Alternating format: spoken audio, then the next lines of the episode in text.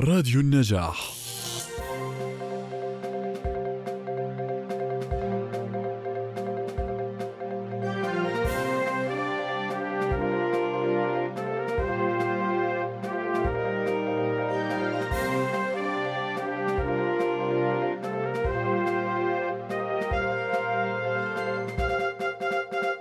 في هذه الجلسة الرابعة من آه، أعمال المؤتمر البحثي الذي يعقده معهد السياسة والمجتمع بالتعاون مع مؤسسة فريدريش إبرت الألمانية مكتب عمان تحت عنوان الإسلاميون بعد عشر أعوام من الربيع العربي. آه، هذه الجلسة النقاشية تأتي تحت عنوان الإسلاميون بعد الديمقراطية الحالة التونسية والتي جاءت آه، يعني شبه استجابة لما يحدث اليوم آه، في تونس وتداعيات الملف والمشهد آه، في تونس. آه، نتناول آه، بشكل مباشر نقاشا حول ورقتين قدمهما قامتين بحثيتين رفيعتين. هما الأستاذ صلاح الدين الجورشي من تونس والدكتور رحي الغرايبي من الأردن. آه، سنخوض نقاش حول الورقتين اللتان وزعتا على الباحثين المشاركين في هذه الجلسة.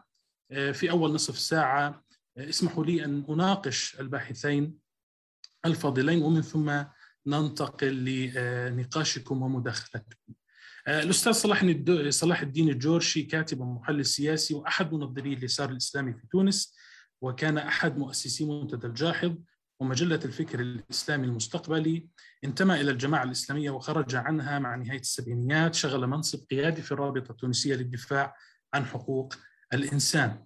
ويعمل الآن كمستشار للعديد من المنظمات الدولية وكاتب صحفي في العديد من المجلات والصحف العربية.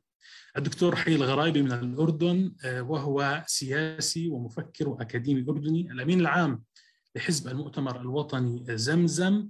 ورئيس مجلس أمناء المركز الوطني لحقوق الإنسان انتمى في وقت مبكر لجماعة الإخوان المسلمين وترأس مكتبها السياسي وللدكتور حي الغرايبي أفكار غير تقليدية وتجديدية في إطار الحريات السياسية في الإسلام ولديه أطروحة طروحات عديدة في نقد الإسلام السياسي وتداعياته. أهلا بكم من جديد. لعلي في البداية آه، أبدأ دكتور آه، آه، عفوا اسمح لي دكتور حي الآن أبدأ مع آه، الأستاذ صلاح الدين الجورشي من من من تونس من حيث آه، ما التجربة التي نطرحها اليوم. آه، أستاذ صلاح يعني تتحدث في العنوان عنوان ورقتك عندما تقول آه، تعنونها بهذا العنوان الطويل من نتائج حركة 25 جويلية عندكم في التونسي عندنا يوليو تموز إخراج النهضة من الحكم والدفاع والدفع بها نحو المعارضة يتساءل كثيرون اليوم هل أن شبح التجربة المصرية يلاحق الإسلاميين في تونس؟ وأتساءل أنا اليوم وأجعله سؤالا مفتاحيا أليس من المبالغة أو من آه، آه، ربما التوجه يمينا جدا أن نقارن بين ما حدث في تونس ومصر هل فعليا ما يحدث اليوم في تونس هو آه، له بعد عسكري. أي كما في في مصر هل الشريحة السياسية الاجتماع والاجتماعية في تونس آه، تسمح بما حدث في في مصر؟ لماذا كان هذا مدخلك لهذه الورقة تفضل عزيز يعني هو شكرا اولا على التقديم والعرض وكذلك على السؤال آه، الحقيقة آه، الورقة يعني قمت بصياغتها آه، وفق أسئلة. طرحت علي من قبل من قبل المعهد ومن قبل المركز. وكان الهدف واضح لأنه منذ البداية منذ تم الإعلان عن الإجراءات الاستثنائية التي اتخذها الرئيس قيس سعيد آه، كان المثال المصري حاضرا لدى النخب في تونس وكذلك لدى المتابعين للشأن آه، التونسي. لأن آه، حركة النهضة آه، حاولت آه، حكم ارتباطها بالإخوان المسلمين تاريخيا آه، أن تدافع على التجربة المصرية في عهد الإخوان. ولكن عندما عصفت الأوضاع داخل مصر بالإخوان وأخرجتهم نهائيا تقريبا حتى الآن من الساحة السياسية حاول راشد الغنوشي بالتحديد ومن معه أن يجنبوا تجربة النهضة نفس المصير. وكان دائما الاعتماد على أساس أن الجيش التونسي جيش آه، لا يتدخل في الشأن السياسي وجيش محايد. وكان هناك اطمئنان كبير لهذه الفرضية. وأنا شخصيا في كثير من المناسبات سئلت فقلت هذا أمر مستبعد جدا. لكن آه، آه، آه، الذي حصل عمليا في تونس هو أن مع صعود قيس سعيد هو أيضا صعود مفاجئ فاجأ الجميع النخب وكذلك المواطنين حركة النهضة لم تأخذ بجدية هذا الرجل وتعاملت معه بكثير من الاستعلاء وأيضا الاستخفاف وكانت في البداية تستبعده ولكن عندما أصبح رئيس حاولت أنها تستقطبه وتؤثر عليه وتجعله في صفها خاصة وأنها تريد أن تكون هي المحدد لإدارة شؤون الحكم في تونس وشؤون الدولة. لكنها وجدت عناد من قبل الرجل ووجدت منه موقفا نقديا ينحو منحى جذريا تجاه دورها وطبيعتها. كانت كلمة هناك معروفة عن قيس سعيد يقول فيما أعلم بأن الوحي لم ينزل في مونبليزير مونبليزير هو المنطقة التي تقوم فيها حركة النهضة مقرها المركزي وكأنه يقول بأن هذه الحركة تستعمل الدين والإسلام من أجل أغراض سياسية ولذلك هو لا يعتبرها مرجع بالنسبة له ولا يطمئن لها ولقيادتها. وبالتالي حصلت نوع من علاقة تنافر بين آه، راشد الغنوشي من جهة وبين قيس سعيد إلى أن تمكن قيس سعيد من أنه آه، ينفتح على الجيش المؤسسة العسكرية. وانفتاحه كان مثار جدل لأنه آه، كان يقرب العسكريين يذهب إليهم في ثكناتهم أحيانا يلقي خطبا ذات طابع سياسي وسياسي مباشر وكان دائما يؤكد بأن الجيش يعني مع السلطة الشرعية ومع رئيس الدولة. وفي الأخير الناس فهمت أنه استطاع قيس سعيد أن يقنع القيادة العسكرية بأن تونس أصبحت في خطر. وهذا الخطر جاي من حالة من الانسداد في حقيقة المؤسسات لم تعد تشتغل بشكل عادي. الحكومة تتحرك في هامش ضيق وبسيط ولكنها لم تستطع أن تنجز أشياء مهمة لمصلحة الشعب. وخاصة البرلمان قدم صورة سيئة جدا للديمقراطية وللتعددية وللصراع السياسي. كان هناك دائما حالة من التنافر وحالة من السلوكات الغريبة من بين الاعتداء على النساء داخل البرلمان من بين آه، آه، تضارب الأفكار والمصالح غياب رؤية بحيث في الحقيقة الناس بدأوا ينزعجون ويميلون آه، نحو العزوف عن السياسة وعن البرلمان وعن الطبقة السياسية. في هذا الإطار المناسب هو أيضا إطار مأزوم اقتصاديا واجتماعيا وخاصة صحيا أيضا استثمر رئيس قيس سعيد هذه الأجواء واعتبر أن هذا يمثل معناه خطر داهم على تونس وعلى الدولة التونسية وبناء على ذلك فعل الفصل 80 من الدستور الذي يعتبر أنه في حال حصول هذا الخطر الدائم لرئيس الجمهورية الحق في أن يتخذ جملة من الإجراءات. لكن الإجراءات التي اتخذها قيس سعيد تجاوزت منطوق الفصل 80 وأصبحت آه، يتصرف في مجال أوسع بكثير جعل المراقبين في البداية وأن أحدهم أنه هو يستمع لرئيس الجمهورية لاتخاذ هذه الإجراءات ليشعر بملامح حصول انقلاب في تونس انقلاب ناعم ولكنه أيضا انقلاب يمكن أن يغير النظام السياسي ويغير ميزان القوى في البلد ومن هنا بدأت المقارنة أكثر فأكثر وبأكثر إلحاح بين التجربة التونسية والتجربة المصرية. ما أريد أن أستخلصه في هذا السياق هو أنه حتى أختم جوابي هو أن تونس اليوم بالفعل تجد نفسها في منعرج غير محسود عليه. المنعرج هذايا اولا لا يمكنها أن تعود إلى المرحلة السابقة اللي بدات من بعد الثورة إلى حدود 25 جويلية لأن تلك المرحلة فيها الكثير من نقاط البؤس ونقاط والاختيارات الخاطئة على أكثر من صعيد. وفي نفس الوقت معناها تخشى النخب الديمقراطية الحقيقية تخشى من أن تونس أيضا يمكن أن تذهب. في النموذج المصري مع اختلافات كبيرة قائمة بين تونس ومصر بمعنى أن يكون هناك رجل قوي بيده كل صلاحيات الدولة أنه يقلص كثيرا من حركة الأحزاب السياسية إن لم يكن يلغيها وربما يجرأ في لحظة من اللحظات أنه يمكن أن يبطل حركة النهضة ولكن هذا القرار في تقديري سواء إلغاء الأحزاب أو خاصة معناه شطب حركة النهضة من الوجود قرار سيكون خطيرا جدا على استقرار تونس وعلى حتى مستقبل النظام السياسي ومستقبل الرئيس قيس سعيد.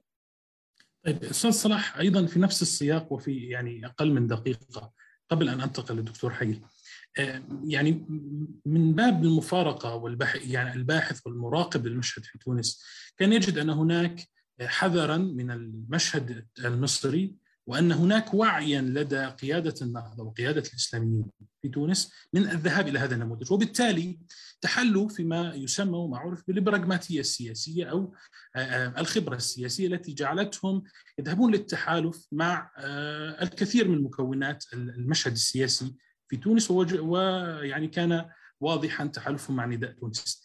هل عدم التحالف والصدام مع الرئيس قيس سعيد كان من باب أنه لم يخطر في ذهن النهضة أنه سيحدث أمر خارج الإطار الدستوري بمعنى عندما وجدوا أن الدستور يكبل الرئيس كان توجههم نحو القوى البرلمانية والتحالف معها دون إعطاء أي ثقة للرئيس، ليس لأنه جاء من خلفية غريبة أو ناشئة أو جديدة إلا أن السياقات الدستورية والقانونية لم تكن تضع في ذهنهم هذا التوجه أم شيء آخر؟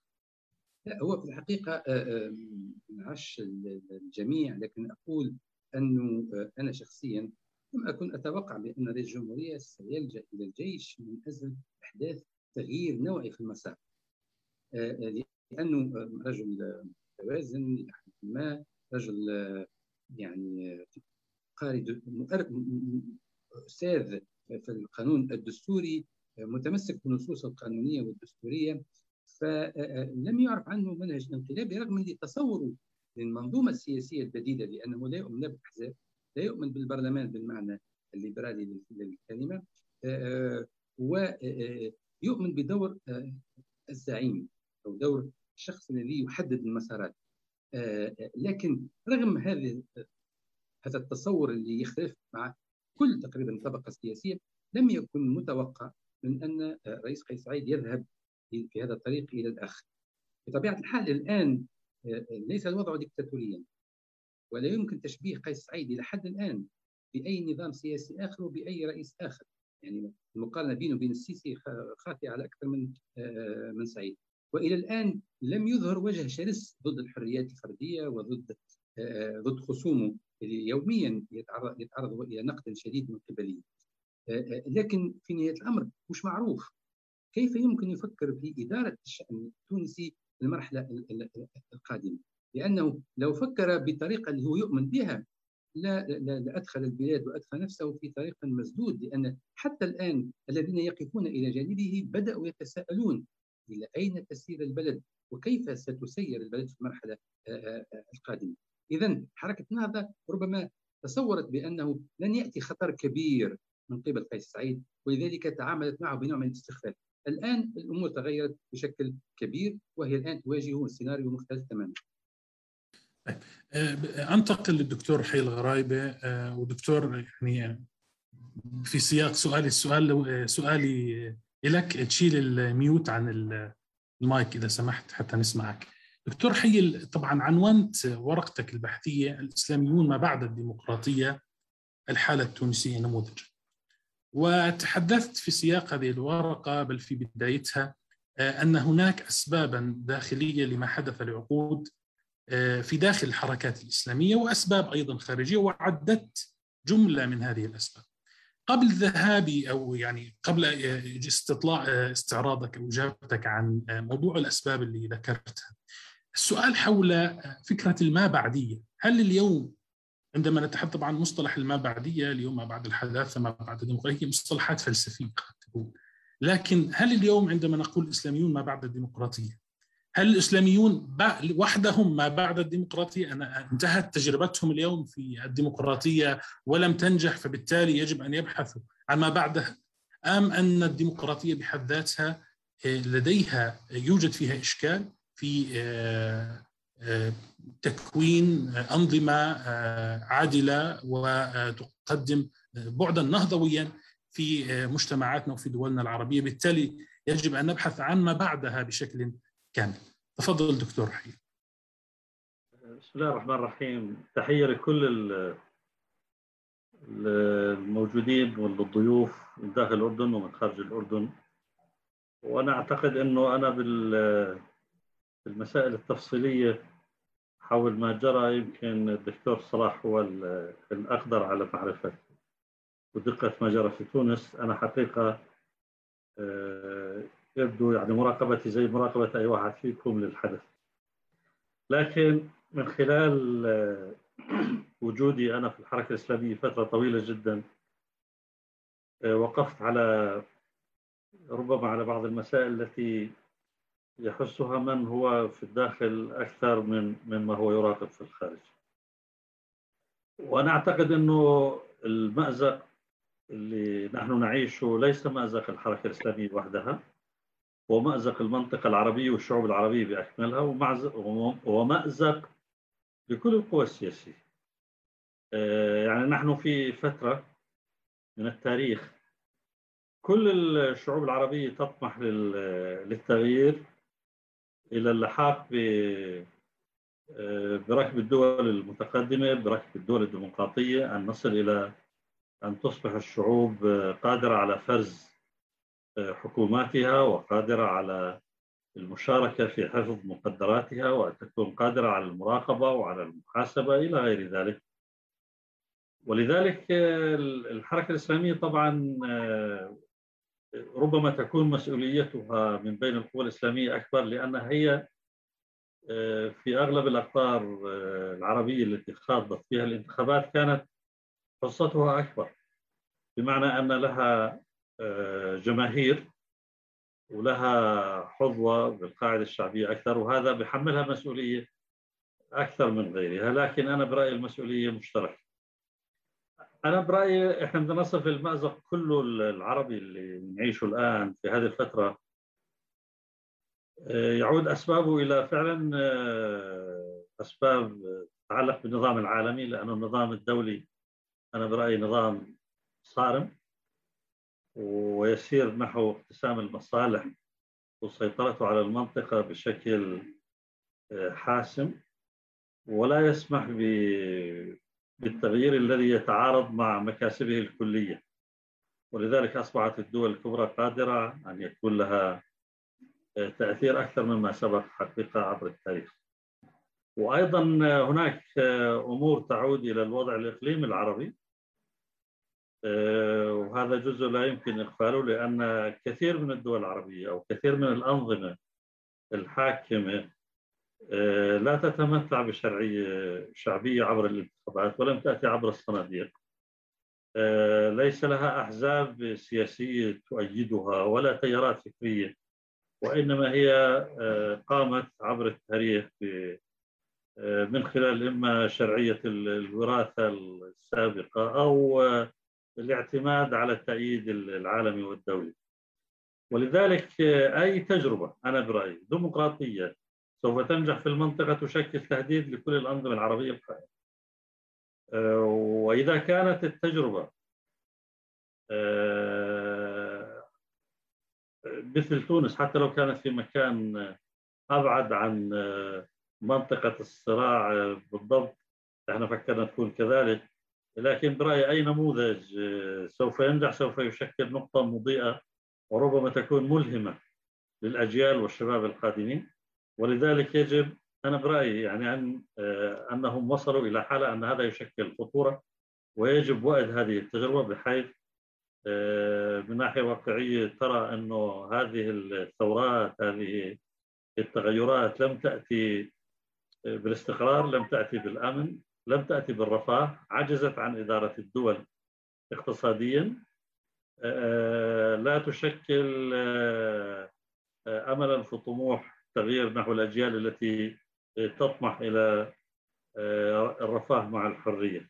ولذلك أعتقد أنه هذا مسيطر على كثير من من الأنظمة العربية الحاكمة.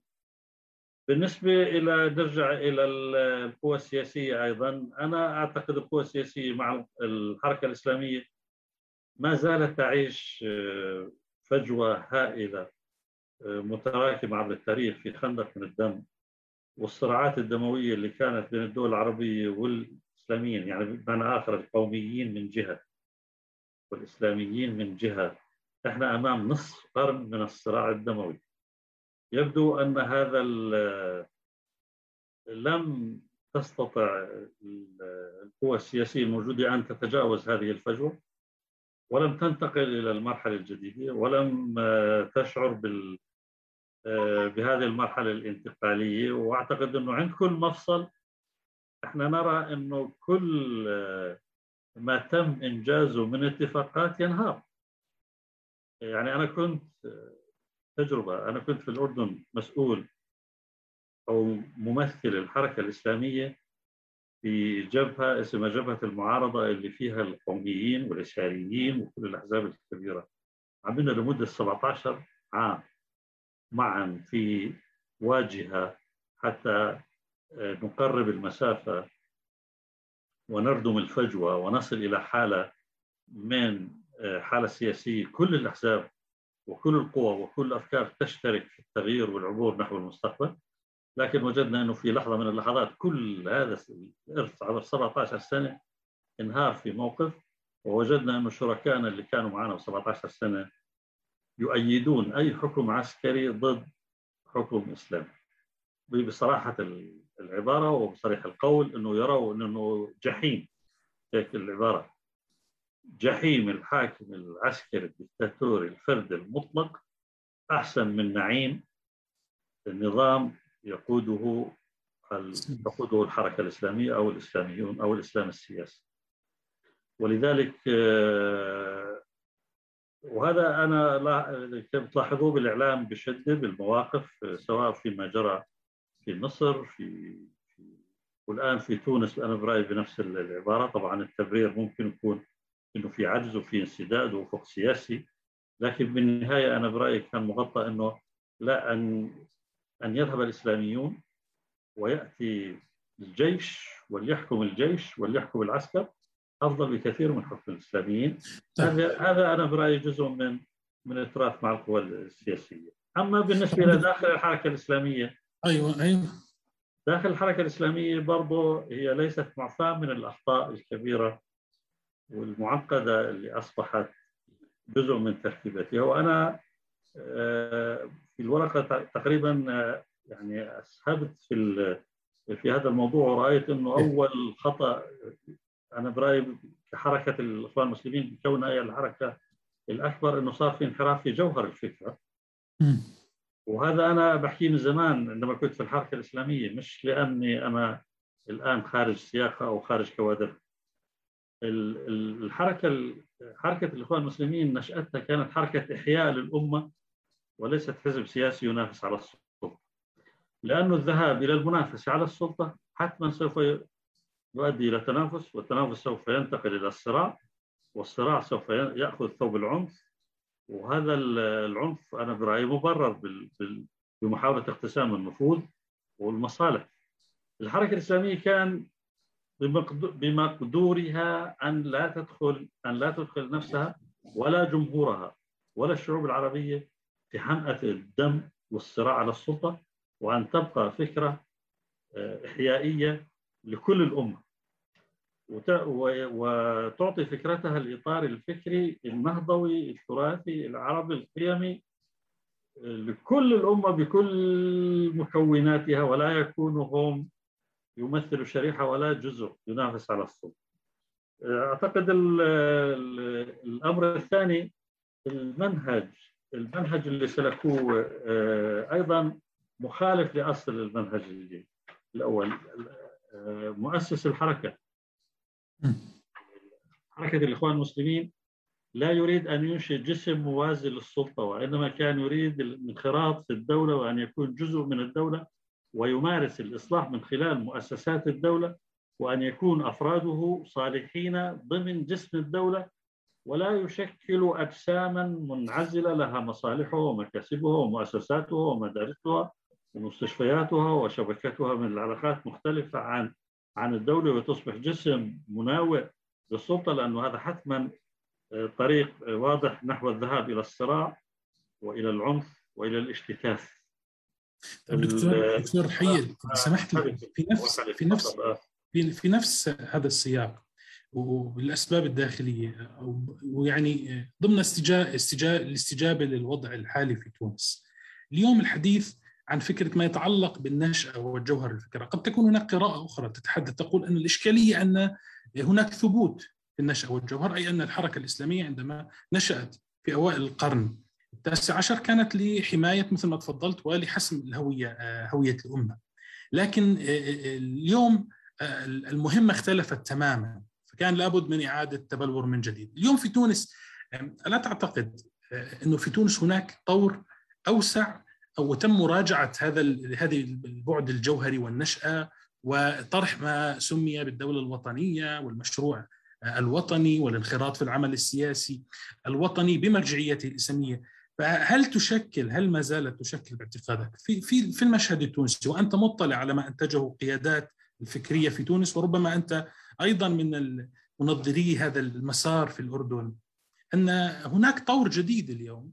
قد تصالح وأنتج أدبيات جديدة فيما يخص النشأ وجوهر وأهمية العمل الإسلامي. هل ما زالت عائقا في مشهد تونسي أم هناك معيقات داخلية أخرى؟ الأخطاء اللي أنا حكيتها تنطبق على تونس وتنطبق على غيرها، كيف؟ طبعا م. راشد الغنوشي والنهضة قدم خطاب متقدم ومعتدل أكثر من غيره ربما من الاخطار، هذا صحيح. م. وكنا نتوقع أنه هذا الخطاب هذا الخطاب النهضه والمعتدل في تونس إنه هو من أهم عوامل استقرار تونس وذهابها نحو الديمقراطية وأن يكون الإسلاميون جزء من هذه المعركة. لكن أنا اللي حكيته عن الحركة الإسلامية بنطبق على تونس لأنه شكلوا من هذا الإسلام السياسي جزء جزء من الشعب الذي بالنظرة العامة والمراقبة من كل الموجودين وهذا صحيح طبعا أنهم ينافسون على السلطة. يعني راحوا لل... بدهم ينافسوا بدهم ياخذوا مقاعد وبدهم ياخذوا وزارات وبده يثمر هذا الفوز بالبرلمان وهذا الفوز بال... بال... بالقاعدة الشعبية. يجب أن يثمر ثمرة عملية. الثمرة العملية أنه يصبح لهم جزء الأكبر من السلطة وأن تصبح أفكارهم هي التي تدير تونس وتحكم تونس. ولذلك أنا برأيي اللي ذكرته بين فرق الحركة الإحيائية وحركة الصراع على السلطة مختلف سواء كنت معتدل أو غير معتدل. يعني بمعنى إنه الفكرة اللي أنا بقولها إن المسلمين يجب أن يكتفوا بالفكرة الإحيائية وأنهم أسهموا ووضعوا هدف وأنا برأيي إنه تحقق هذا الهدف ونجح أنهم أصبحوا حافظوا على على هوية الأمة وتراثها واللي كانت مهددة. من الاستعمار الغربي ومن الاستعمار الشرقي صحيح أنها كانت مهددة لكن أنا برأيي كل الأمة الإسلامية الآن ما في خوف لا على هويتها ولا على قيمها ولا على إطارها الديني بل بالعكس أنا برأيي اللي خارج الحركة الإسلامية من حيث التدين ومن حيث التشبث بالقيم وبالهوية والتراث أكثر تطرفا من الحركة الإسلامية ذاتها. يعني التدين ما عليه خوف. ولذلك إذا ما هو الحل لتونس ولغيرها في هذه المسألة؟ ان لا يكون هناك حزب يحمل الصفة الإسلامية. أن يكونوا ان أن يكون أفرادها من الأمة منخرطين في أحزاب وطنية برامجية وأن يكون التنافس بين البرامج وليس بين الإسلام وبين غيره من القوى. يعني أنا برأيي إنه من يحمل الفكرة الإسلامية يجب أن لا يجعلها فكرة مواجهة مع مكونات المجتمع في الصراع على السلطة. لأن الصراع على المكاسب والصراع على السلطة سوف يولد صراع حتمي مش كيفك لما يكون في يولد صراع داخل الحركة الإسلامية. بالتنافس على المكاسب وعلى السلطة وهذا وهذا صحيح. ولذلك إذا تجنيب الفكرة الإسلامية فكرة الصراع أنا برأيي هذا لازم يكون خط استراتيجي. طبعا ممكن واحد يقول طيب ما هو لازم يكونوا هم فاعلين ومؤثرين في مجتمعهم. صحيح. بس يكونوا مش باسم الإسلام يروحوا يذهبوا إلى السلطة أو باسم الحركة الإسلامية أو الإسلام السياسي. أن يكون باسم تونس مثلا أو باسم الأردن. يعني هو مواطن أردني صالح يحمل فكر ثبت فعاليته آه، وثقة الشعب فيه في هذا في هذا الموضوع كمتخصص كمتخصص مش بالإسلام كمتخصص في الأشغال ومتخصص في الصحة ومتخصص في التربية وينافس على الكفاءة مع غيره في هذا الموضوع ولا يكون الانتماء للإسلام مرجح. أنا برأيي للذهاب إلى السلطة. يعني هذا هذا هذا ما يتعلق بهذه النقطة اللي أنت ذكرتها. حول طيب شكرا دكتور حيل. أعود في سؤالي الأخير في هذا الجزء من النقاش للاستاذ صلاح. في ورقتك طبعا قبل فتح المجال للمداخلات وأسئلتكم أسئلة حضراتكم جميعا. أستاذ صلاح في ورقتك عنوانت أحد العناوين الفرعية تحت عنوان الاعتراف بالفشل وأشرت إنه الانتقادات الحادة اللي وردت على أنسنة كوادر النهضة كشفت هشاشة الحزب في هذا الظرف الصعب. فاليوم هذا اللي بيخلينا نطرح سؤال هل هذا الفشل أو الجزم بأن هناك فشلا نهضويا أو في حزب النهضة هو اعتراف فردي داخل المؤسسة واليوم الذهاب للعلاج سيكون فرديا بحالات فردية داخل الحركة أم أن هناك شبه اعتراف رسمي من الحركة والحزب للدخول في مسار تصحيحي. تفضل دكتور صلاح. يعني هذا الحقيقة السؤال اللي اثار الكثير من الجدل داخل حركة النهضة وتكفي الإشارة إلى المجلس إلى مجلس الشورى. يعني النهضويين بشكل عام ادركوا بان الاختيار الذي تبنوه وصل إلى نهاية التاريخ. وأن آه، آه، الشرعية الشعبية التي تحدثوا عنها والتي رفعتهم إلى مستوى السلطة في آه، انتخابات 2012 وجعلت منهم حزبا حاكما في البلد هذه الشرعية الشعبية وهذا الالتفاف الجماهيري قد تبخر في سنوات قليلة الآن عندما تتحدث مع المواطنين العاديين في تونس يعني وتذكر اسم النهضة كأنك ذكرت شيطانا كأنك ذكرت شيئا غير مرغوب فيه. ولذلك بطبيعة الحال على جماعة النهضة أن يعترفوا بأنهم فشلوا في إدارة السلطة أولا سواء كانوا الطرف الرئيسي أو طرف فرعي من فروعها وثانيا فشلوا في إقناع النخب بأن لهم دور حضاري وثقافي وسياسي كبير. وثالثا فشلوا في انهم يستجيبوا لابسط المطالب الشعبية اللي هي حق حق الناس في الشغل في الماء في الأرض في ثروة وطنية. وبالتالي حركة النهضه دخلت للصراع السياسي اللي أشارت الآن الحين بدون رؤية بدون برنامج بدون بدائل. ولذلك الذين يطالبون بالنقد الذاتي الآن وهم يريدون اولا أنهم يتجاوزوا الأزمة الحالية ويحافظون على كيان التنظيمي للحركه ولكن إذا فتح باب معناه النقد الذاتي فإنه يمكن أن يذهب بهم بعيد جدا. نقد ذاتي يشمل مش فقط الكوادر والقيادات ورئيس الحركة الذي آن الأوان أنه يختفي من المشهد وإنما آه، لابد أن تكون هذا النقد الذاتي يذهب إلى الأصول إلى نوعية التفكير إلى الثقافة السياسية. إلى استعمال الثقافة الدينية في تحديد المشروع الجديد إلى إلى جوانب تعتبر أساسية في حركة تعتبر نفسها اجتماعية وثقافية وسياسية. النقد الذاتي إما أنه سيمارس بطريقة جدية وبالتالي قد يؤدي إلى إحداث تجديد في الحركة ونصبح أنفسنا أمام حركة جديدة قد أعادت النظر في منطلقاتها وفروعها أو أن هذا النقد الذاتي يمكن أن يؤدي إلى تفتيت الحركة وتجزئتها وتقسيمها وبالتالي تذهب ريحها وتصبح جزء من الماضي هذا هو التحدي الرئيسي الآن أمام حركة النهضة إما أن تبقى أو أنها ستتبخر بشكل مباشر. آه، شكرا أستاذ صلاح. أنقل الكلمة للأستاذة أمل كونها أول من رفع يدها المشاركة. تفضلي. واللي آه، بيحبوا من الباحثين بعد ذلك بس يرفعوا إيدهم على الزوم. تفضلي ستة. آه، شكرا جزيلا للمتدخلين وللمركز لأنه أولى الحالة التونسية أهمية فكانت هذا هذا اللقاء طارئا في الحقيقة.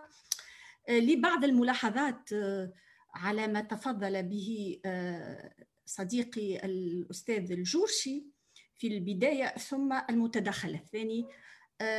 الملاحظات بخصوص ما ذكرت أستاذ الجورشي.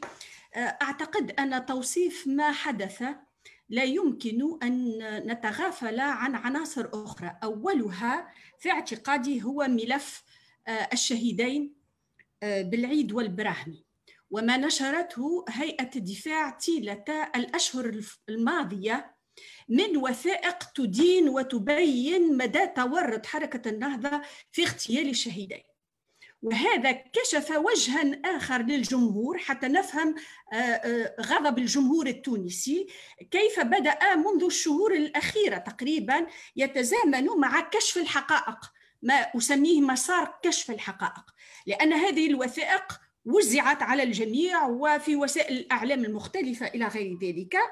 ويعني لم ترد الحركة على الاتهامات التي وخاصة ملف القاضي الفاسد. إذا البشير العكرمي إذا والذي هو الآن تحت يعني الرقابة المشددة وفتح التحقيق بشأنه. الملف الثاني أو الجزء الثاني الذي لا يمكن أن نغض عنه الطرف حين نناقش ما حدث وهو ملف الفساد. إذا استشراء الفساد وتورط النهضة في هذا المسار. إذا جعل المسألة في نظر الشعب التونسي أتحدث عن عموم الشعب بالإضافة إلى بقية الأحزاب إلى غير ذلك هو أنك تقبل إذا قبل الحملة الانتخابية كنت تتحدث عن خصم سياسي لا يمكن ولا يعقل أن تأتلف معه وهو حزب نبيل القربي.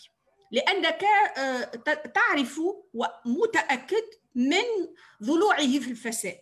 فإذا بعد إذا الانتخابات تغير المشهد وهذا كشف وجها آخر للنهضة بالنسبة إلى المجتمع ككل. يعني هذا الائتلاف بين فاسد وحركة تبني مرجعية خطابها على مرجعية إسلامية. وفي ذهن التونسيين وفي تمثلهم لا يمكن أن نغفل هذا التمثل للتونسي وهو أن حزب بمرجعية إسلامية بمعنى أراقب سلوكك ومنظومتك القيمية بالدرجة الأولى. أنت مختلف عن بقية الأحزاب الأخرى برصيدك الأخلاقي برصيدك القيمي. فإذا بهذا المشهد إذا قلب الموازين أيضا. يضاف إلى ذلك الوعود التي تقدم بها راشد الغنوشي شخصيا. أثناء الانتخابات. فإذا بالنهضة المجتمع التونسي اليوم يكتشف بأنه مثله مثل بقية الأحزاب. يعني تبني حملتها الانتخابية على مجموعة من البرامج ثم بعد ذلك لم تستطع أن على الأقل أن تحترم قواعد الممارسات الديمقراطية. لأن عندما وهنا أربط بالمداخلة الثانية عندما نتحدث عن ما بعد الديمقراطية في الحقيقة الأشهر الأخيرة التي عشناها نحن في ممارسات لا ديمقراطية. ويعود ذلك إلى إدارة رشد الغنوشي لمجلس الشعب. وهناك وثائق وتقارير لمنظمات المجتمع المدني التونسية التي كشفت كيف أن رئيس المجلس كسر كل ثوابت العمل الديمقراطي داخل البلد ثم الملف. الأخير وأشار إليه هنا الآن يا ريت السؤال ست أمل حتى أنتقل لل نعم.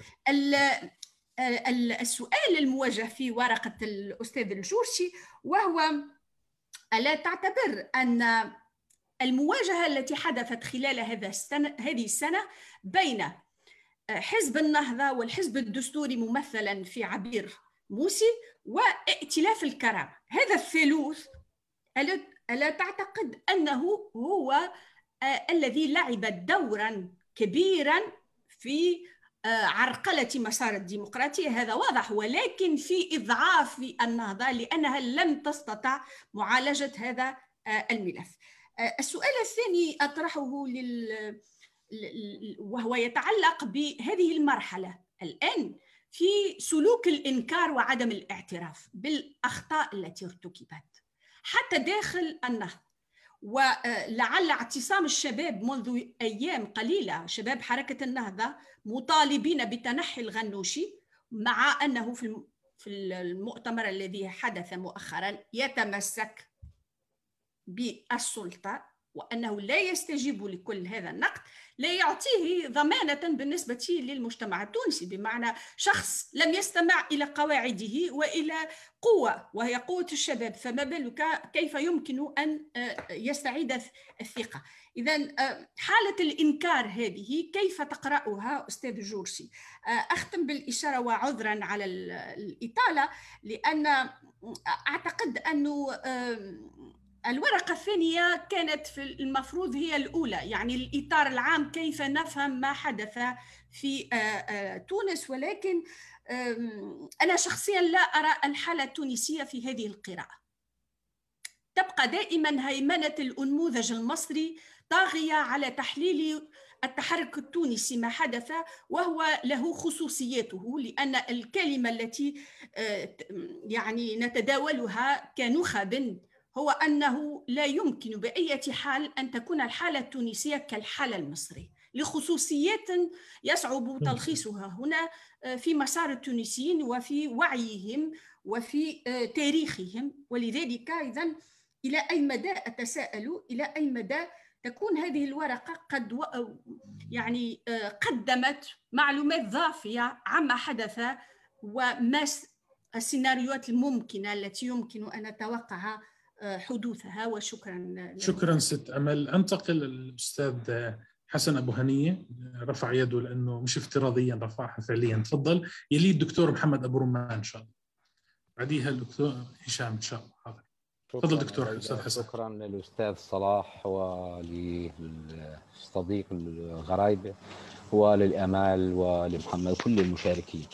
بعتقد إنه يعني دائما يجري الحديث ربما وهذا صحيح عن بعض الظروف الموضوعية التي أوصلت تونس إلى هذا، لكن أنا أريد أن أتجنب هذا الفرضية المهيمنة عادة في العلم الاجتماع والتي هي يعني أغلقت تغلق أي فضاء للمقاومة والتغيير وبالتالي أركز على موضوعة الإرادة لأن أعتقد أن الحالة التونسية هي التي نقضت هذه الأطروحة الاجتماعية وبالتالي وضعت الفاعلين والإرادة في جوهر الفعل. لكن لماذا في تونس هو أن الأمور تتجه باتجاه آه، حركة النهضة؟ نعلم موضوعيا بأن جميع الأحزاب هي آه، على اختلاف منظوراتها الأيديولوجية وانتماءاتها هي مارست ذات السياسة. بمعنى ما هي الخصوصية لحركة النهضة؟ هل هي بفعل اقليمي دولي خارجي. لكن أنا أريد أن أتجاوز كل هذا. أنا أريد أن أتحدث عن حركة النهضة. كيف أن حركة النهضة هي ساهمت رغم كل الأحاديث التي كانت آه، تلقي بالمديح على حركة النهضة باعتبارها حركة براغماتية وحركة يعني مرنة على خلاف الحركات الإسلامية المشرقية وبالتالي هي ربما تكون أسست لمفهوم ما يطلق عليه يعني ما بعد الاستلزام السياسي بحسب اصطلاح آصف بيات اللي تمزج بين الحقوق والواجبات والتاريخ والمستقبل وبالتالي التدين مع العلمانية والديمقراطية. لكن أنا بعتقد بأنه حركة النهضة فعلا لأنه آه، تبدو أن المدخل النقدي والمقاربة النظرية التي تصلح في حالة النهضة هي ذات مقاربة التي انطبقت على الحركات الديمقراطية الاشتراكية في أوروبا، يعني لا يزال مقاربة روبرت ميشيلز في كتابه الكلاسيكي 1911 آه، الاحزاب السياسية نزعات الأوليغارشية في الديمقراطية هو أحد أهم التفسيرات التي تقدم في حركة النهضة. حركة النهضة كأي حركة جاءت بعد ثورة وكانت هذه الثورة صريحة في في مطالبها وشعاراتها عيش حرية عداله اجتماعية. وهذه الحركة كانت تستند إلى تراث ليس فقط يعني السياسي إنما كانت تراث أخلاقي. ما حدث مع النهضة كما حدث مع الأحزاب الديمقراطية الاشتراكية اللي يحللها روبرت ميشيلز وهي لا تزال أطروحة صالحة. لأنها تخلت عن كل هذا لم يعني اندمجت في داخل السياسة التقليدية وبدأت تمارس عملية محاصصة وعملية مفاوضات مع كل الأطراف.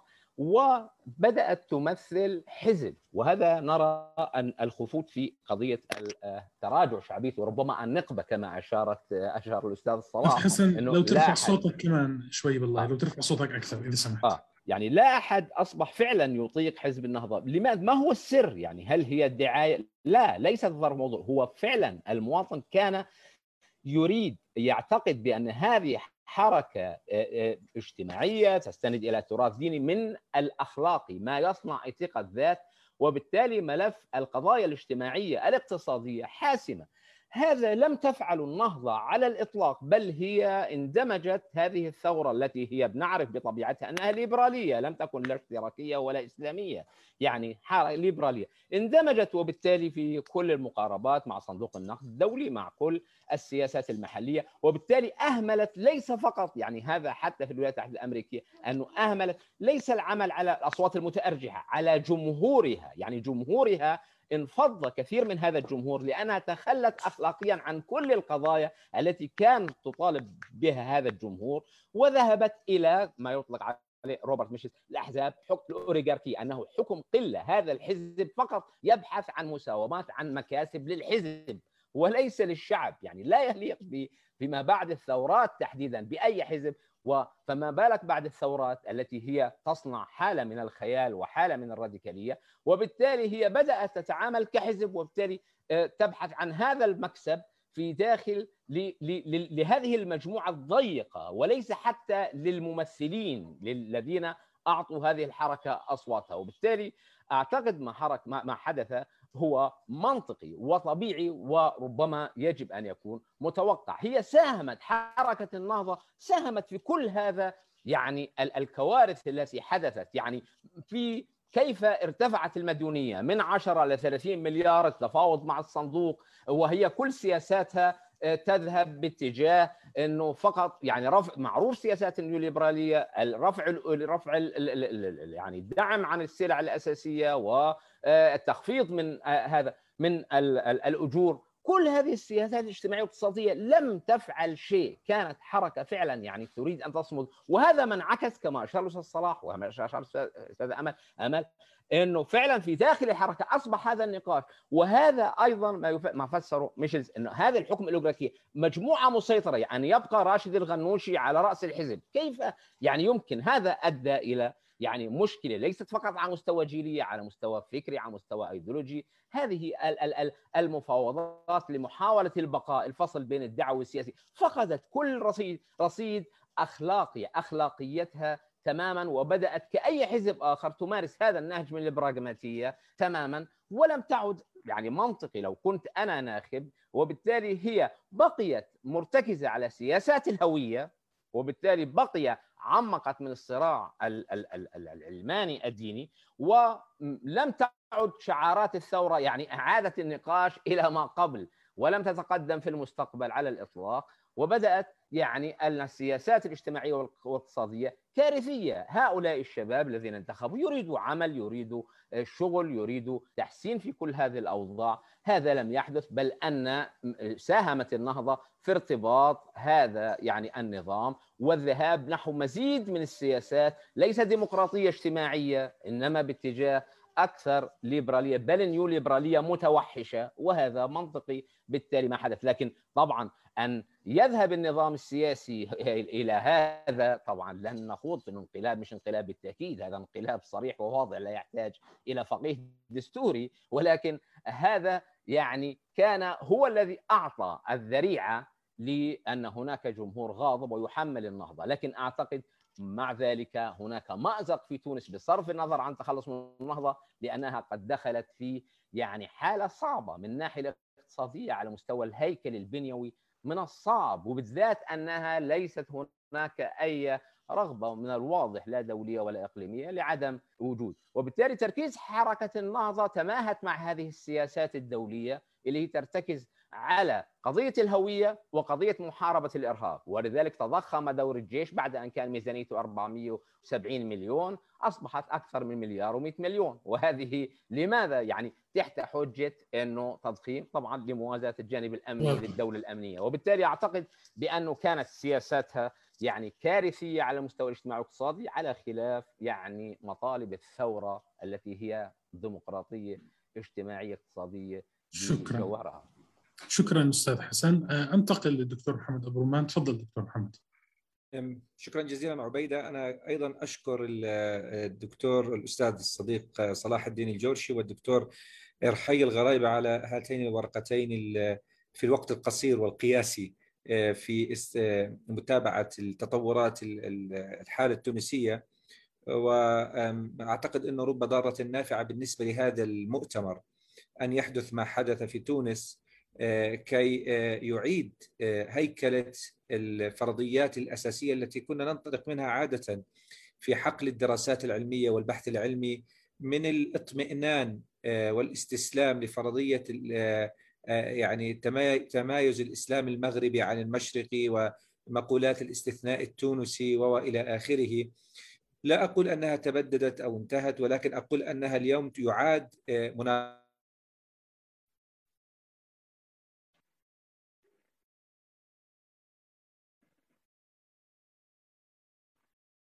صوت وين راح؟ دكتور محمد؟ دكتور محمد يبدو إنه تعطل عنده الإنترنت. طيب نرجع للدكتور محمد لعلي أنتقل للأستاذ هشام. تفضل وبعد مداخلتك إن شاء الله نعود للدكتور محمد إن شاء الله يكون رجعنا تفضل دكتور هشام. شكرا للجميع. وأنا الحقيقة حابب يعني الدكتور أبو هنية مهد لي الحديث بشكل كبير جدا حول الموضوع لأنه هي الفكرة الأساسية التي يجب أن نتوقف أمامها طويلا وأنا يعني توقفت وكتبت إنه بمقدار تفاعل الحركات السياسية الإسلامية مع ما أطلق عليه سردية الربيع العربي بمقدار ما ستكون شعبيتها أو تحل كثير من أزماتها. وأتصور إنه يجب أن نفهم الحالة التونسية أيضا في إطار الموجة الثانية من الربيع العربي. الموجة الثانية من الربيع العربي قد تميزت بأن الإسلاميين كانوا في الحكم. وبالتالي حصل شكل من اشكال الاحتجاج على وجود الإسلاميين في الحكم. وهنا عندما أقصد بسرديه الربيع العربي ودي هتنقلنا للاشكاليات الأساسية اللي متعلقه بالمستقبل فيها جناحين أساسيين، بنتكلم عن عقد اجتماعي جديد في مكونين أساسيين، مكون متعلق بالحريات أو الديمقراطية السياسية، لكن أيضا مسألة المكون المعيشي أو معيشة الناس أو ما أطلق عليه العيش مسألة أساسية بما تعنيه من يعني حزمة متكاملة متعلقة بالخدمات العامة الأساسية، متعلقة بالبطالة إلى آخره، التي لا تخفى على وبالتالي ده يعني لحظة الربيع العربي لحظة مفصلية أنا أظن أن الحركات الإسلامية لم تقرأها بعمق. وبالتالي أصبحنا في إزاء هذا المأزق بشكل أساسي. وكمان النقطة الثانية اللي, بتتأكد لدي لأنه ده استخلصتها مبكرا مما جرى في مصر 30 6 بشكل أساسي. أن الجماهير نظرت لحركة الإخوان باعتبارها حركة سياسية. مش باعتبارها حركة دينية بل بالعكس حركة سياسية كمان تدعي وده اللي حضراتكم ويمكن الدكتور أبو هنيه أشار إليه استنادها إلى المسألة الأخلاقية والمساله الدينية فبيزيد النقمة عليها بشكل أساسي. أنا أظن كمان إنه في ما جرى في تونس إنه الناس بدأت تنظر إلى النهضة باعتبارها حركة سياسية كبقية الأحزاب بتصرف كبقية الأحزاب وبالتالي ما تدعيه من إطار مرجعي تنطلق منه فيما فيما يتعلق بالمسألة الدينية أنا متصور ان هو كمان زود مسألة النقمة عليها بشكل أو بآخر. وهنا تبقى عدد هناك عدد من الأسئلة التي يجب أن يعني نلتقطها ونفكر فيها. اللي حصل على مدار يعني خلينا نقول منذ الدخول المتصاعد للحركات السياسية الإسلامية منذ الثمانينات إلى المجال السياسي بدأوا يتعاطوا مع ما يمكن أن نطلق عليه الديمقراطية السياسية. وبالتالي يعني أنا أتصور إنه حركة النهضة كانت قمة هذه قمة هذه الاستجابة. يعني جاوبت على كل الأسئلة المتعلقة بالمسألة السياسية.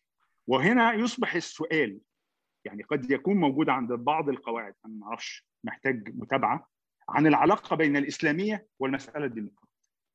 لأنه ده سؤال اتطرح في مصر مع مع جرى وأيضا ما أعرفش هل بيعيد طرحه مرة أخرى في تونس ولا لأ؟ وإن كان ما ما راقبته وخاصة من الشباب الإسلامي خارج مصر المصريين يعني في استجابتهم لهذه المسألة لا الحقيقة يعالجوا ما جرى في تونس على ارضيه سياسيه بل بالعكس بعضهم يعني بشكل واضح هو ما أخطأت فيه النهضة.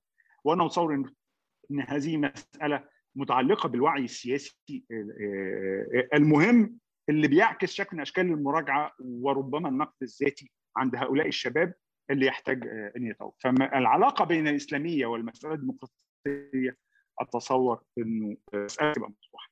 النقطة الثانية اللي هي عكس ده أو يعني امتداد لهذا انه واضح إن المكون الاجتماعي الاقتصادي عند الحركات السياسية الإسلامية مكون ضعيف. يعني إذا هم دخلوا في ساحة المساحة السياسية تجاوبوا مع الأسئلة المتعلقة بالحريات والديمقراطية لكن المسألة الاجتماعية رغم إنها كانت في جوهر الربيع العربي أو في جوهر سدية الربيع العربي منذ عقد إلا إن لم يتم الإجابة عليها أو تقديم ما يمكن أن نطلق عليه برامج أساسية للتعامل مع هذه المسألة. وده أتصور إنه هناك ضعف هيكلي في هذه المسألة بيظهر بشكل دائم ومستمر رغم أهمية هذا. وهنا أيضا كمان سؤال أتصور إنه في تونس هيبقى مطروح. هل أصبح هناك شكل من أشكال المقايضة التاريخية اللي كانت في التجربة الناصرية أو حتى في تجربة كثير من النظم العربية في مرحلة ما بعد الاستقلال بين الديمقراطية السياسية وبين الديمقراطية الاجتماعية الاقتصادية أو بين الخبز والحرية؟ هنبقى إزاء هذه المقايضة. هل ده سؤال أتصور إنه ممكن أهل تونس يجاوبون عليه؟ لأنه هيبقى متعلق أيضا بينا أو في بالمنطقة بشكل أساسي. أيضا من ضمن الإشكاليات التي يجب أن نلتقطها لأنه أتصور إنه ما اشار اليه الدكتور أبو هنية وأتصور إنه مسألة مهمة واشارت إليها الدكتوره امال هي مسألة العلاقة بين ما يمكن أن نطلق عليه الإسلامي والمسألة السياسية. يعني كان هناك تصور ساهمت فيه الحركة الإسلامية بأفكارها وبتصوراتها المختلفة حوالين أن هناك علاقة ما بين الإسلامية وبين المجال السياسي. مع الربيع العربي وما, وما قبله. يمكن ده أشار إليه الدكتور رحيل في في في, في بحثه الهام اللي أشير إليه بعد قليل. هي مسألة إنه الجانب القيمي والجانب الأخلاقي في في المسألة السياسية. واتصور إن دي كانت في قلب ما يمكن أن نطلق عليه الصراع السياسي ولكنها أيضا ألقت بظلالها على العلاقة بين ما بين الإسلامية وبين السياسة في الإدراك الجماهيري المتسع. ودي مسألة أيضا يجب أن نراقبها ما الذي سيحدث فيها بشكل أو بآخر لأن أتصور اللي حصل في في تونس واللي حصل في مصر وحصل في في مجمل بلدان المنطقة في السودان وكذا يعني إعادة التفكير في هذه العلاقة مرة أخرى. هل الاحتجاج على الإسلاميين هو احتجاج أيضا على العلاقة بين الإسلامية بالمعنى الفكري وبين السياسة وهنا أنا بتكلم على المستوى الأخلاقي والقيمي ولا آه لا أتصور إن دي مسألة من ضمن المسائل التي آه آه يعني نقطة أخيرة الحقيقة يعني حابب أشير إليها. رغم ما يبدو من إنه البحثين ما فيش علاقة بينهم. بحث الدكتور رحيل يعني بيعيد إنتاج يعني محاولة لتقديم حل للمعضلة التي تواجه الحركات السياسية الإسلامية في مرحلة الربيع العربي. أتصور بس نقطتين لأنه دي مسألة متعلقة كمان النهضة قدمها كنموذج ومثال. يعني هي جاوبت على كل الأسئلة اللي كانت مطلوبة منها. يعني لو لو حد طب هي عملت كل ما وبرضه وصلت لهذا المأساة وهنا الدكتور رحيل بيحاول أن يقدم لنا لكن أتصور أن هذه اجابه وجهة نظري الله أعلم لأنها كانت مطروحة من التسعينات وأنا أظن إنه إن جيلنا يعني على الأقل و... و... قد ساهم في الإجابة عليها منذ آخر الثمانينات والتسعينات بشكل أو بآخر. وكان برضه بالمناسبة تاثرا بالاحتكاك بالدكتور صلاح الدين الجرشي والإسلاميين التقدميين. أنا أظن إن الإجابة دي اللي قدمها الدكتور رحيل في جزء من بحثه الأول قد تجاوزها الزمن. لأن الأطروحة الأساسية وده اللي ممكن يبقى محل نقاش في المستقبل الأطروحة الأساسية للحركات السياسية الإسلامية أو الاطروحه الإخوانية وما تفرع عنها. أنا أتصور إنها انتمت إلى القرن العشرين وقمة نهايتها أتصور إنه مع ما جرى في تونس مع حركة النهضة. وبالتالي يجب ان نبحث عما يمكن أن نطلق عليه أطروحة جديدة لعلها تكون في القرن الواحد والعشرين. شكرا. شكرا أستاذ هشام. شكرا. انتقد للاستاذه الدكتورة هبة رؤوف عزت بناء على تنازل الدكتور محمد أبو رمان أن يكون يليها في الحديث. تفضلي دكتورة هبة.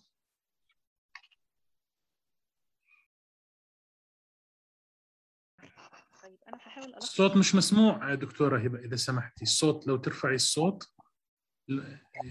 انت فاتحه المايك بس مش سامعينك تفضلي. هل هذا أفضل؟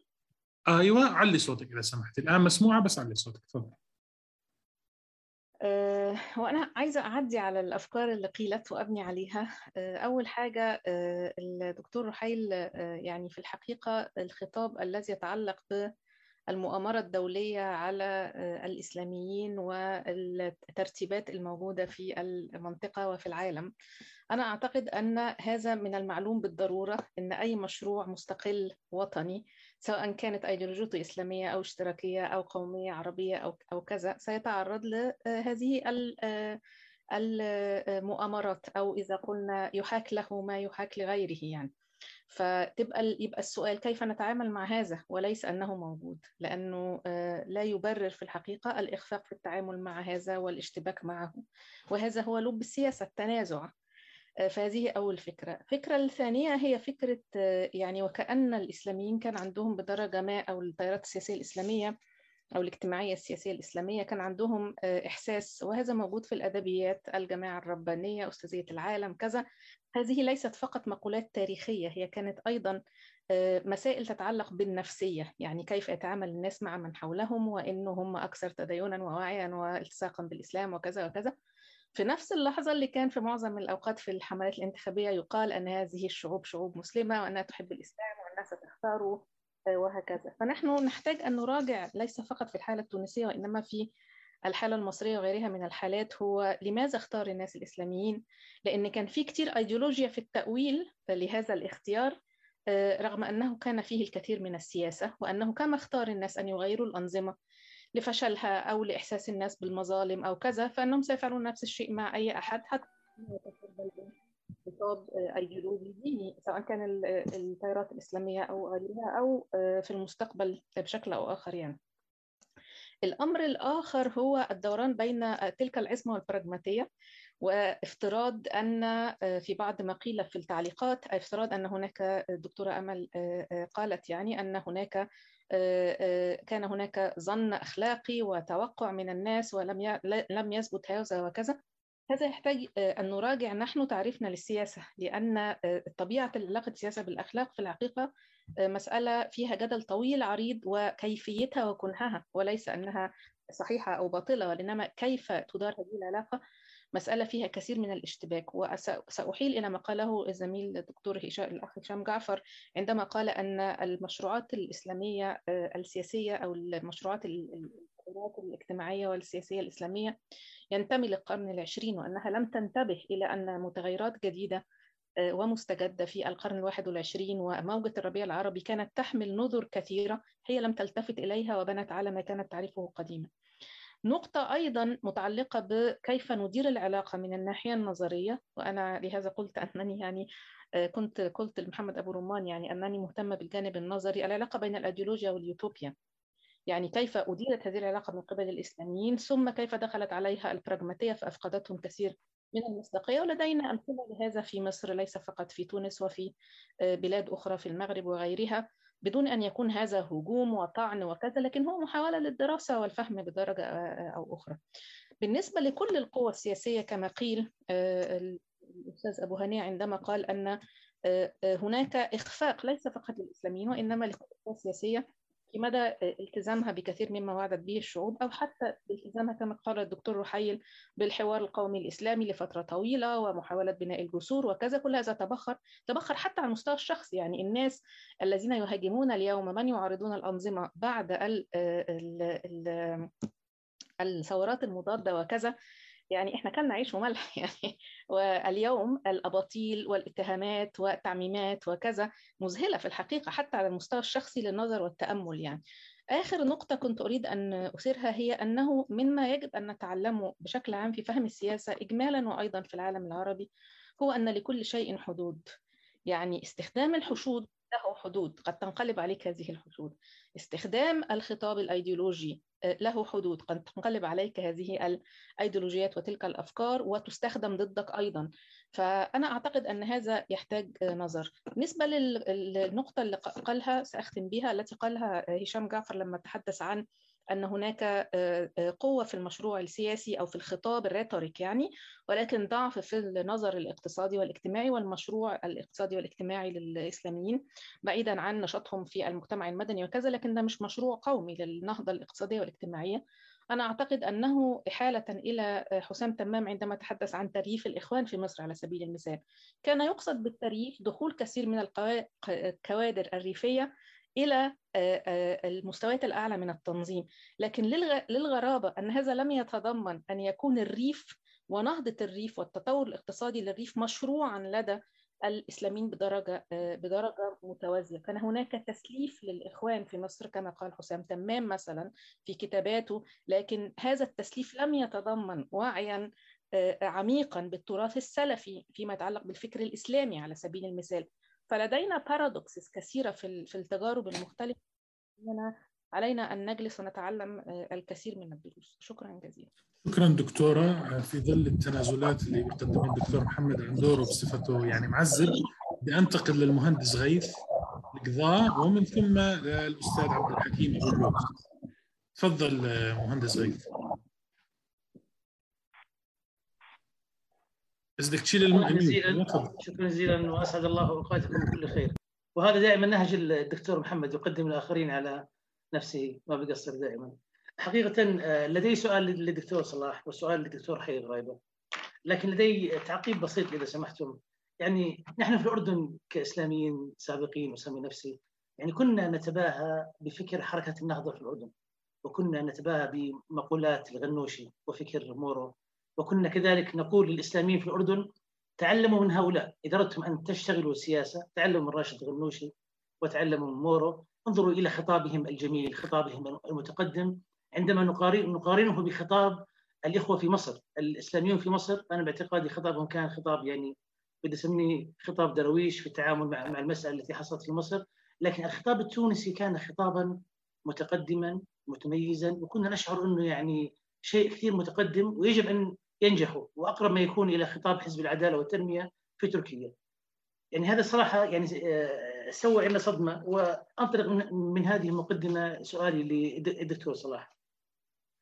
دكتور باعتقادك يعني ماذا كنت تتوقع من حزب النهضه أن يقدم يعني سياسيا واقتصاديا وبرامجيا داخل تونس خصوصا أنه لم يكن يمتلك أغلبية كبيرة، يعني أنا على ما أذكر انه حزب النهضه لديه 52 مقعد من أصل 217 مقعد في مجلس النواب ولما شكل الحكومة يعني واجه صعوبات كبيرة جدا، يعني هل من الإنصاف أن نحمل حزب النهضة لوحده مسؤولية الفشل في تونس ومسؤولية الانقلاب الذي حصل، يعني هل هذا معقول؟ يعني حزب يمتلك أغلبية معينة وبسيطة وليست كبيرة أن نحمل الفشل، وماذا كنت تتوقع منهم أن يقدمون؟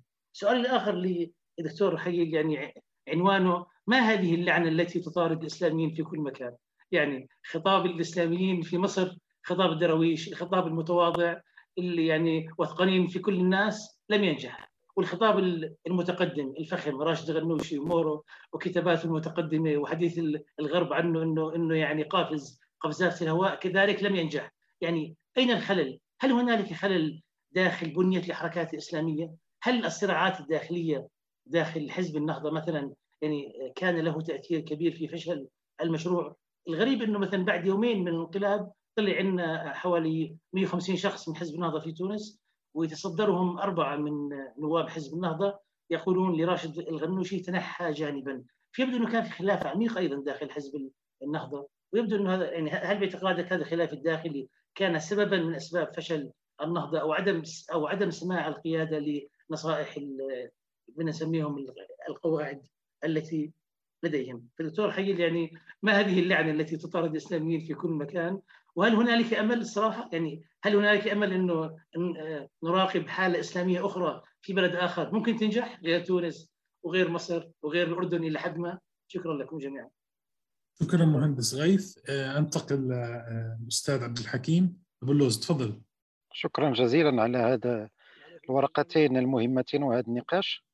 فقط سؤال بسيط إلى الأستاذ الغريبة.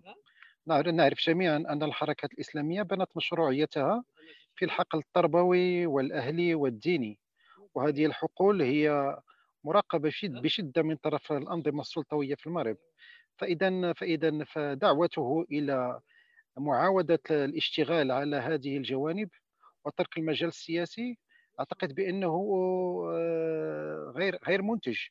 لأنه لأنه الإسلاميين الإسلاميين نجحوا في وإن نجحوا في في, في قفز قفزوا على المشروعية المتحققة في المجال الأهلي إلى المجال السياسي. وبالتالي فإن الدولة والأنظمة السلطوية لن تسمح لهم بمعاودة هذه هذه لأنه لأن الأنظمة السلطوية تراقب بشكل كبير آه، العمل الأهلي والتربوي. اذا هي تحصيل حاصل سواء الإسلاميون انطلقوا من الجانب وعاودوا الانطلاق من الجانب الأهلي والتربوي أو من المجال السياسي فإن فإن فإن فرصهم في في النجاح هي ضئيلة ويكاد يكون سيناريو مكرر.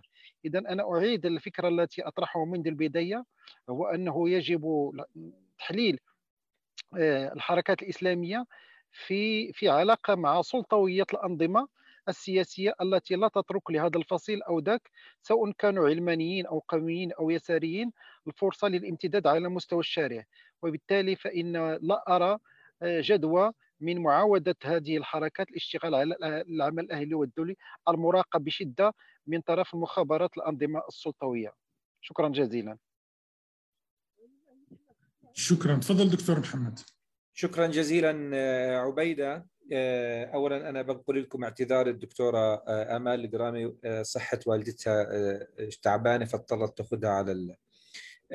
بس أنا اللي بدي أستأنف في الحديث أنا أعتقد أخي غيث القضاء ليست لعنة للإسلاميين وربما جملتك هذه في هي مهمة جدا لننتقل للحديث بشكل أدق عما يحدث. آه، من وجهة نظري في تونس والمغرب كنت أقول قبل ما أنه ينقطع الاتصال كنت أقول إنه مهم جدا إنه جاءت هذه في نقاش مجموعة الخبراء والباحثين لموضوع الإسلام السياسي وكنا مستسلمين ومسترخين. لما ذكرت أنت غيث من أن هنالك استثناء تونسي وهنالك تمايز للإسلام المغربي عن المشرقي وفصل الدعوة عن السياسي كنا نتحدث عن حركات ما بعد الإسلام السياسي التي ظهرت في تونس حزب حركة النهضة حزب العدالة والتنمية التي يعني وبالتالي ما حدث جيد آه، من آه، من ناحية علمية أقول وليس من ناحية سياسية نتمنى لتونس كل خير.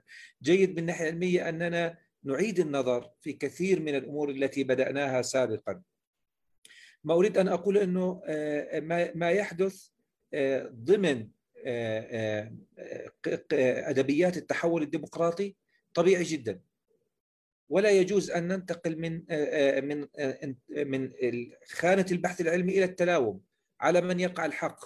هل يقع الحق على حزب النهضة التونسي أم يقع الحق على قيس بن سعيد؟ هل أنا أعتقد إنه المسألة بحاجة إلى دراسة المراحل الانتقالية وما يحدث فيها أمر طبيعي جدا اليوم في تونس وما قبله في مصر. الحديث الرومانسي عن الديمقراطية التي تأتي فجأة هذا حديث ينافي آه، وقائع التاريخ ينافي تجارب المجتمعات والدول ينافي كثير من الخبرات التاريخية. وبالتالي الاستثناء التونسي مع كل الاحترام لتونس استثناء تونسي كان عما حدث في مصر ودول المشرق العربي. ولكنه لم يكن ضمانا لأن تونس تمر بالطريق بالشكل آه، السلس لأنه لا لم يعني آه، مسألة صعبة معقدة. كثير من النظريات التحول الديمقراطي تتحدث عن سقوف التوقعات العالية تكون سببا في الأخطاء. تتحدث عن مسألة الثقة تتحدث عن الانقسام المجتمعي تتحدث عن المسألة الاقتصادية. فهناك العديد من الإشكاليات في التحول الديمقراطي ينبغي أن نأخذها بعين الاعتبار ومن بينها ما تحدث فيه الدكتور عبد الحكيم أبو اللوز مسألة حيادية الجهاز البيروقراطي. فأنا أعتقد أنه مطلوب أن نعيد قراءة ما يحدث من زاوية التحول الديمقراطي وإشكالياته ومشكلاته وأزماته حتى نقرأ المسألة بعيدا عن فكرة على يعني استقطاب السياسي والأيديولوجي. الأمر الثاني أيضا انتهت قداسة الحركات الإسلامية وانتهت قداسة خطاب الحركات الإسلامية. تلك المرحلة التي كان الكل يظن عندما كان الإسلاميون في المعارضة أن أن قدموا وعودا هائلة للشعوب والمجتمعات عندما يصلون إلى السلطة أو في حال وصلوا إلى السلطة. تبين أنه المسألة مسألة إنسانية اجتماعية سياسية. لا فرق بين إسلامي وآخر. من زاوية أقول ما يمكن أن يقدمه لأنه الإسلام لم يأتي ومعه ملائكة للحكم بالمعنى الذي قدمت فيه هذه الوعود وقدمت فيه هذه التصورات. وبالتالي تجربة الإسلاميين مثل غيرهم تخضع للمساءلة للنقاش. وكما ذكر أعتقد الدكتور هشام جعفر واضح تماما أن هنالك وأيضا حسن أبو هنية واضح تماما أن هنالك ضعف واضح وملحوظ لدى الإسلاميين في الجانب الاقتصادي والاجتماعي. وأعتقد النقطة الثالثة وإن شاء الله تكون الأخيرة عبيدة أنه الدكتور صلاح لازم يغادر بعد ساعة ونصف. النقطة الثالثة والأخيرة أيضا واضح تماما أن الشعوب التي كانت تتوق إلى الديمقراطية. أن الديمقراطية هي ليست الحل أيضا. بمعنى لا أقول أن أنني مع الدكتاتورية أنا مع الديمقراطية قلبا وقالبا.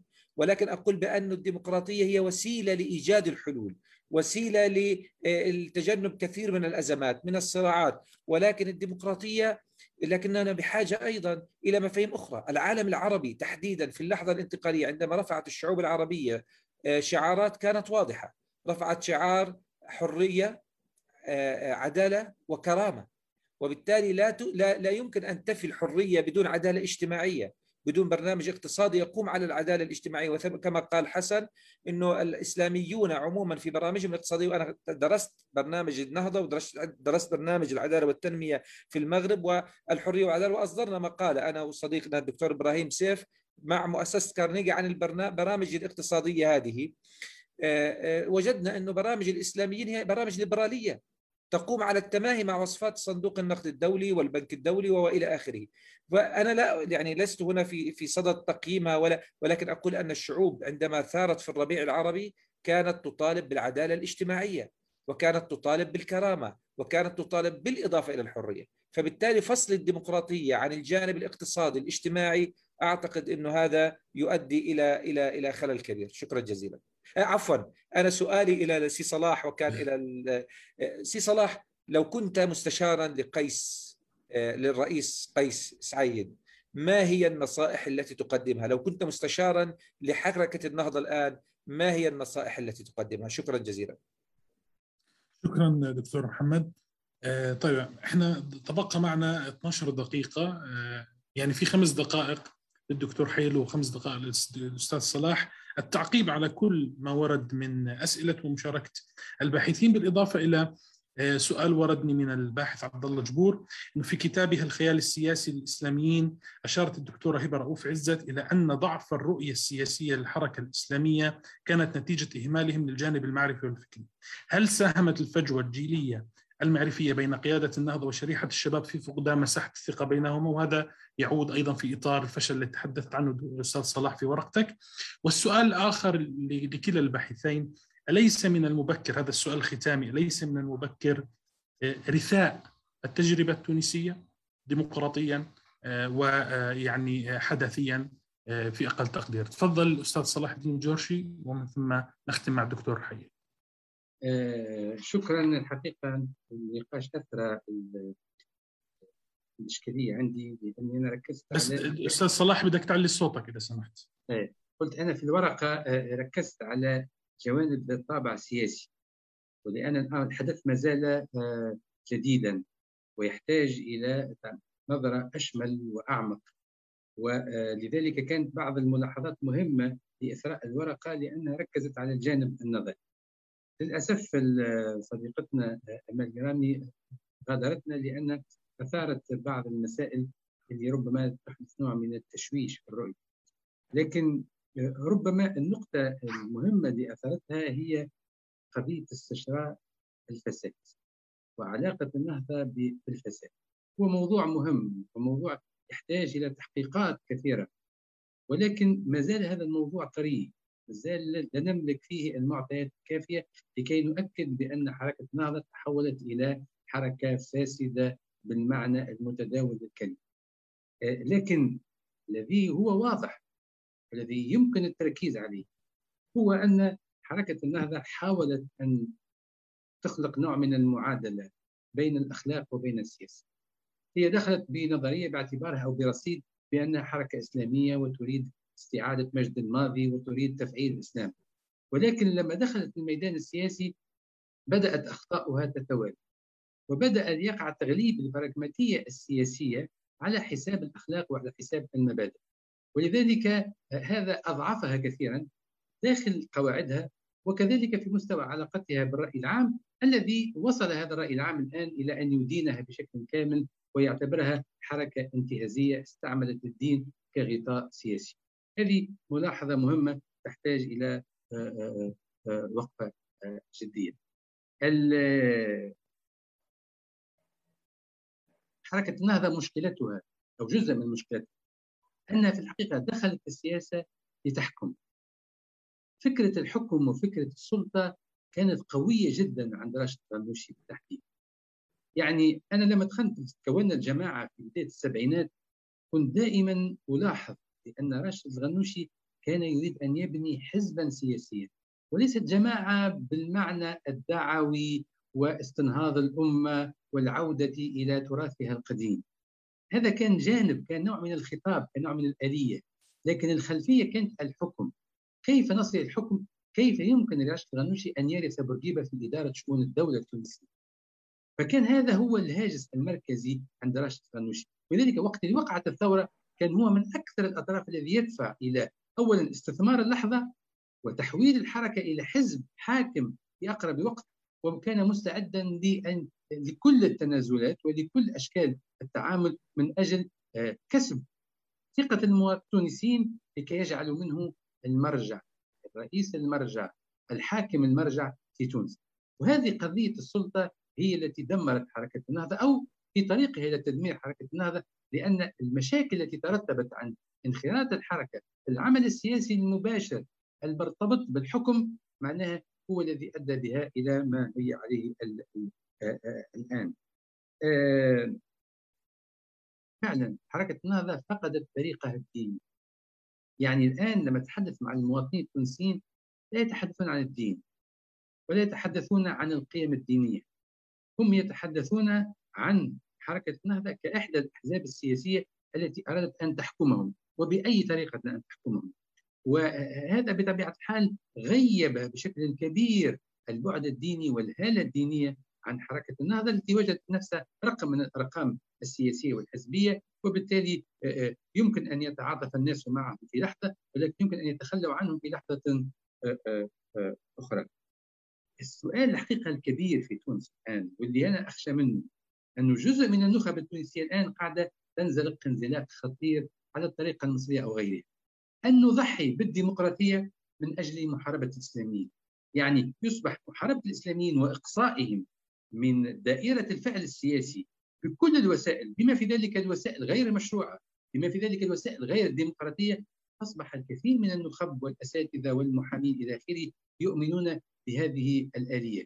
لكي يتخلصوا من النهضة وفي تقديري أن أنا ما أخشى أنه من أجل محاربة النهضة نخسر نخسر التجربة الديمقراطية ونخسر الديمقراطية آه، آه، آه، في تونس. صحيح أن الإسلاميين لا يتحملون وحدهم مسؤولية الكارثة التي حصلت في تونس لكن كانوا طرف مهم وطرف أساسي وكان يمكنهم أن يبحثوا عن صيغة أخرى لأنه معناه تدخل النهضة في تعديل الحياة السياسية وتعديل موازين القوى كان ممكن. كان يمكن لهم أن يفكروا بطريقة مختلفة ليس فقط أن يتحالفوا مع أي كان تحالفهم مع أي كان وأي طرف يمكن أن يوصلهم إلى الحكم أو يبقيهم داخل الحكم هو الذي جعل تحالفاتهم انتهازية وجعل تحالفاتهم مدمرة لهم بعد فترة وجيزة من هذه من بناء هذه التحالفات. التحالف ليس هدف في حد ذاته، لابد أن نعرف مع من نتحالف ومن أجل ماذا نتحالف. لكن أن نتحالف من أجل طرف من أجل الوصول إلى الحكم أو البقاء فيه فهذه في الحقيقة رؤية ضيقة جدا تؤكد أن البعد السلطوي موجود في الثقافة السياسية للاسلاميين بما في ذلك الإسلاميين يحملون شعار الديمقراطية لأن الديمقراطية ليست شعارا الديمقراطية هي منظومة وهي آليات وهي قدرة على تحويل الوضع إلى يد الناس وأن يحكم الناس من خلال قوى حقيقيه. حركة النهضة الحقيقة لم تفكر كثيرا في هذا الموضوع وبالتالي استسهلت انخراطها في الحكم بأي طريقة كانت. البعد الاقتصادي والاجتماعي كان غائب تماما عند حركة النهضة وكان محدودا جدا وعندما تفكر حركة النهضة في البعد الاقتصادي والاجتماعي كانت تفكر من زاوية الصندوق النقد الدولي ومؤسسات التمويل الدولية. يعني أنا مثلا كانت لي جلسة مهمة مع سفير الاتحاد الأوروبي السابق في في, في تونس ولما سألته حول كيف ينظرون لحركه النهضة وكيف تنظر مؤسسات التمويل الدولية إلى حركة النهضه قال لي أنا أعطيك فكرة بسيطة جدا. أنا شخصيا قال لي كسفير ممثل الاتحاد الأوروبي وأيضا كمرتبط وعندي فكرة قوية عما يجري داخل مؤسسات التمويل الدولية. يعتبرون الإسلاميين هم كانوا أكثر استعدادا يعني النهضه أكثر استعدادا لتقبل مقترحات صندوق النقد الدولي والدفاع عنها والالتزام بها. والالتزام بها يعني دون إدراك بأن هذه جزء من هذه التوصيات وهذه الفلسفة الليبرالية ممكن أن تدمر النسيج المجتمعي وممكن أن تضحي بعدد كبير وواسع من العمال ومن الشرائح الاجتماعية. بمعنى أن الإسلاميين لم تكن لهم رؤية اقتصادية واجتماعية. الإسلاميين هلاميين في هذا الجانب. ولذلك دائما يهربون إلى الإيديولوجيا ويهربون إلى الشعارات السياسية لكي تنقذهم بينما القضايا الاقتصادية والاجتماعية الدقيقة ليست لهم وجهة نظر وإذا كانت لهم هذه الوجهة فهي وجهة نظر التي تكون مدعومة من الغربيين ومن النظام الرأسمالي العالمي. لو كنت مستشار لقيس سعيد هذا فرضية سعيدة صعبة جدا معه ولكن لو كنت مستشارا له لحاولت أن أؤكد له بأنه عليه أن يراهن على عدد من الخبراء وذوي الكفاءة في تونس وألا يلجأ بدوره إلى فكرة أن تكون معي وأن تكون من رعيتي وأن تكون مستمع جيد لما أقول لك. لأنه الآن من عناصر اللي جعلت تعيين رئيس حكومة الآن إحنا 12 يوم تقريبا من وقعت عملية وما تمش تعيين لأنه الرجل يبحث عن شخص تابع شخص يلتزم ويخضع لقراراته ولتوجيهاته. في حين أن المسألة الكبرى هي الكفاءة يجب أن تكون قبل الولاء. والأمر الثاني أنه مطلوب من قيس سعيد أنه ينفتح على القوى السياسية والاجتماعية لأن حركة النهضة لو لو فتحت الآن انتخابات تشريعية جديدة وسابقة لأوانها وشاركت حركة النهضة فإن رصيدها سينهار بشكل كبير جدا. وبالتالي يمكن أن تخرج من اللعبة الديمقراطية عن طريق احترام قواعد اللعبة الديمقراطية.